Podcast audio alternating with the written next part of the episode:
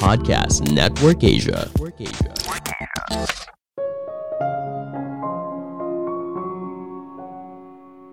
Di era sekarang, boleh dibilang kita punya kecanduannya masing-masing. Kecanduan tidak selalu harus berkaitan dengan narkoba, merokok, miras, dan sebagainya. Tapi bisa juga pada hal yang mungkin kelihatannya tidak berbahaya. Misalnya kecanduan makanan-makanan manis, kecanduan media sosial, kecanduan main game, dan sebagainya.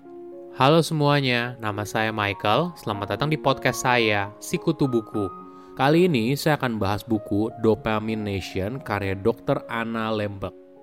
Sebelum kita mulai, buat kalian yang mau support podcast ini agar terus berkarya, caranya gampang banget. Kalian cukup klik follow. Dukungan kalian membantu banget supaya kita bisa rutin posting dan bersama-sama belajar di podcast ini. Buku ini membahas soal kecenderungan kita untuk mencari kenikmatan yang instan Manusia pada dasarnya diprogram untuk mencari kenikmatan dan menghindari rasa sakit. Ini adalah insting alamiah yang berasal dari jutaan tahun yang lalu. Dimulai di masa manusia masih jadi pemburu, mencari makanan, pakaian, dan tempat tinggal setiap harinya. Namun di era sekarang semua telah jauh berbeda. Kebutuhan dasar boleh dibilang sudah terpenuhi. Apa pun yang kita mau bisa dengan cepat kita penuhi Ketika kita mau beli sesuatu, dua jam kemudian barang sudah sampai. Ketika kita butuh informasi apa pun, ketik di Google, dalam beberapa detik jawabannya keluar. Ini yang membuat kita dalam dunia yang kebanjiran dopamin, dan yang paling penting, kita harus tahu bagaimana cara menyeimbangkannya. Saya merangkumnya menjadi tiga hal penting dari buku ini. Pertama, dunia yang penuh candu. Kita hidup di dunia yang berlebih, makanan, informasi, shopping, media sosial, dan sebagainya. Misalnya, smartphone yang kita gunakan sehari-hari boleh dibilang memberikan digital dopamin bagi generasi sekarang. Para ilmuwan sering kali mengandalkan dopamin sebagai semacam mata uang universal untuk mengukur potensi kecanduan dari setiap pengalaman. Semakin banyak dopamin di jalur penghargaan otak, maka semakin ketagihan pengalaman tersebut. Nah, apa sih dopamin? Jadi, dopamin adalah neurotransmitter yang mengirim sinyal dari satu neuron ke neuron lainnya. Mungkin dopamin merupakan neurotransmitter terpenting untuk membuat kita merasakan kesenangan, motivasi, dan penghargaan. Dalam hal kecanduan, dopamin merupakan sesuatu yang biasanya digunakan dalam zat atau pengalaman tertentu. Ada sebuah percobaan yang dilakukan pada tikus di kepala mereka dipasang sebuah alat untuk mengukur jumlah dopamin yang dilepaskan sebagai respon terhadap beberapa jenis zat. Pada dasarnya, kita punya jumlah dasar dopamin yang dilepaskan oleh otak. Tapi ketika kita menelan zat tertentu atau terlibat dalam sebuah aktivitas tertentu, dopamin kita akan naik dan turun sebagai respon atas situasi tersebut. Sebagai contoh, coklat meningkatkan dopamin di atas garis dasar sekitar 50% hubungan intim sekitar 100%, nikotin sekitar 150%. Dan amfetamin, obat stimulan sistem saraf pusat yang digunakan untuk menangani attention deficit hyperactivity disorder atau dikenal dengan ADHD sekitar 1000%. Tapi setiap orang tentunya punya reaksi yang berbeda. Apa yang kita pikir nikmat belum tentu sama dengan orang lain. Ada fakta yang menarik. Kenikmatan dan rasa sakit itu bekerja seperti sebuah neraca Sederhananya gini, bayangkan di otak kamu ada sebuah jungkat-jungkit, permainan anak-anak yang biasanya kamu temui di taman. Ketika kita melakukan sesuatu yang menyenangkan, misalnya kamu makan sepotong coklat, maka jungkat-jungkitnya akan sedikit miring ke sisi kenikmatan. Dan sebagai hadiahnya, otak akan melepaskan dopamin. Namun perlu diingat, ketika keseimbangannya berubah, maka otak akan cepat beradaptasi. Efeknya, kita jadi menginginkan sepotong coklat kedua. Rasa sakit yang muncul sebagai kompensasi juga bervariasi. Misalnya perasaan tidak nyaman, gelisah, mudah tersinggung, tidak bahagia, dan ingin menciptakan kembali perasaan senang yang muncul. Lama-kelamaan, hal ini membuat kamu jadi ketagihan lagi dan lagi. Misalnya, selama ini satu potong coklat saja cukup, tapi bertambah jadi dua, selanjutnya tiga, dan seterusnya. Ini yang dinamakan toleransi. Semakin lama kamu butuh dosis atau jumlah yang lebih banyak, barulah kamu bisa merasakan efeknya.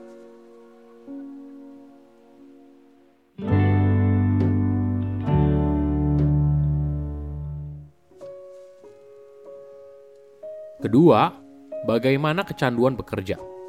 Jika bicara soal kecanduan, mungkin kita langsung mengacu pada kecanduan narkoba, merokok, dan sebagainya. Padahal kecanduan itu juga bisa pada kecanduan main game, kecanduan pornografi, kecanduan judi, dan sebagainya. Efek yang terjadi juga sama, namun perlu kita pahami, pemicunya bukan hanya dari zat atau perilaku tertentu, tapi juga tanda yang berkaitan. Dalam sebuah program rehabilitasi pecandu miras, mereka menjelaskan kalau ada tiga tanda yang harus diperhatikan agar tidak kembali lagi menjadi pecandu. Orang, tempat, dan benda. Ibaratnya gini, walaupun kamu sudah berkomitmen untuk tidak minum miras lagi, tapi apabila kamu masih bergaul dengan teman yang suka minum atau berada pada lingkungan di mana miras tersedia, mungkin saja kamu pada akhirnya bisa kembali mengkonsumsi miras. Dalam ilmu neuroscience, hal ini dikenal sebagai pembelajaran cue-dependent learning – atau kata lainnya adalah pengkondisian klasik Pavlovian. Seorang ilmuwan pemenang hadiah Nobel dalam fisiologi atau kedokteran pada tahun 1904 bernama Ivan Pavlov mendemonstrasikan seekor anjing yang refleks mengeluarkan air liur ketika disajikan sepotong daging. Saat penyajian daging secara konsisten dipasangkan dengan suara bel, anjing tersebut mengeluarkan air liur saat mendengar bel, meski tidak ada daging yang muncul bersamaan.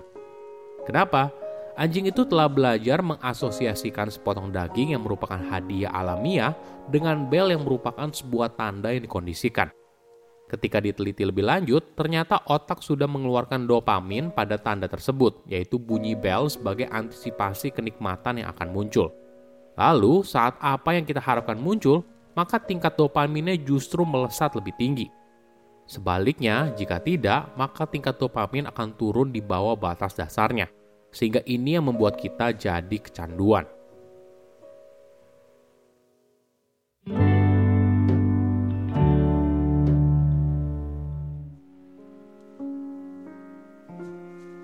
Ketiga, tips berhenti kecanduan.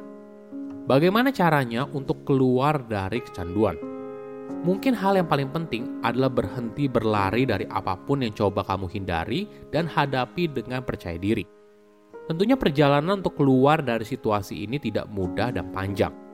Kamu harus yakin, walaupun apa yang kamu lakukan saat ini belum kelihatan hasilnya, tapi semuanya akan membantu menciptakan masa depan yang lebih baik. Mungkin analoginya gini, kamu sedang berjalan di sebuah terowongan yang gelap dan menyalakan setiap obor yang kamu temui. Hanya ketika kamu melihat ke belakang, kamu baru sadar kalau apa yang kamu lakukan bermanfaat dan membuat terowongan menjadi terang. Tips lain yang menarik adalah dengan mengikat diri. Mungkin kita bisa belajar dari kisah Odysseus. Suatu hari dalam perjalanan pulang dari perang Trojan, mereka berhasil melewati laut yang penuh dengan siren. Diceritakan, siren adalah makhluk setengah wanita setengah burung yang punya suara indah tapi mematikan. Banyak pelaut meninggal akibat kapalnya menjadi karam berkat godaan suara siren yang merayu mereka untuk menabrakkan kapalnya ke tebing berbatu yang berada di pulau terdekat. Cara satu-satunya agar bisa selamat adalah para pelaut tidak boleh mendengar nyanyian siren. Odysseus lalu memerintahkan para pelautnya untuk memakai lilin tahun lebah di telinga mereka dan mengikat dia di tiang kapal agar dirinya masih mendengar suara siren tapi tidak bisa melakukan apa-apa. Dari cerita ini, kita belajar untuk menahan diri dari godaan. Kita harus belajar memberi jarak antara diri kita dan godaan yang bisa membuat kita kecanduan. Hal ini penting karena tekad di dalam diri merupakan sumber daya yang terbatas. Kita tidak bisa menggunakannya terus-menerus untuk menahan diri.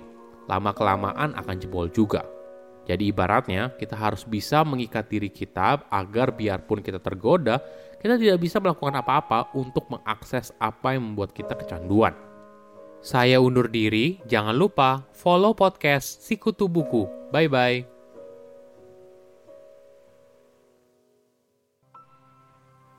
Pandangan dan opini yang disampaikan oleh kreator podcast, host, dan tamu tidak mencerminkan kebijakan resmi dan bagian dari podcast Network Asia.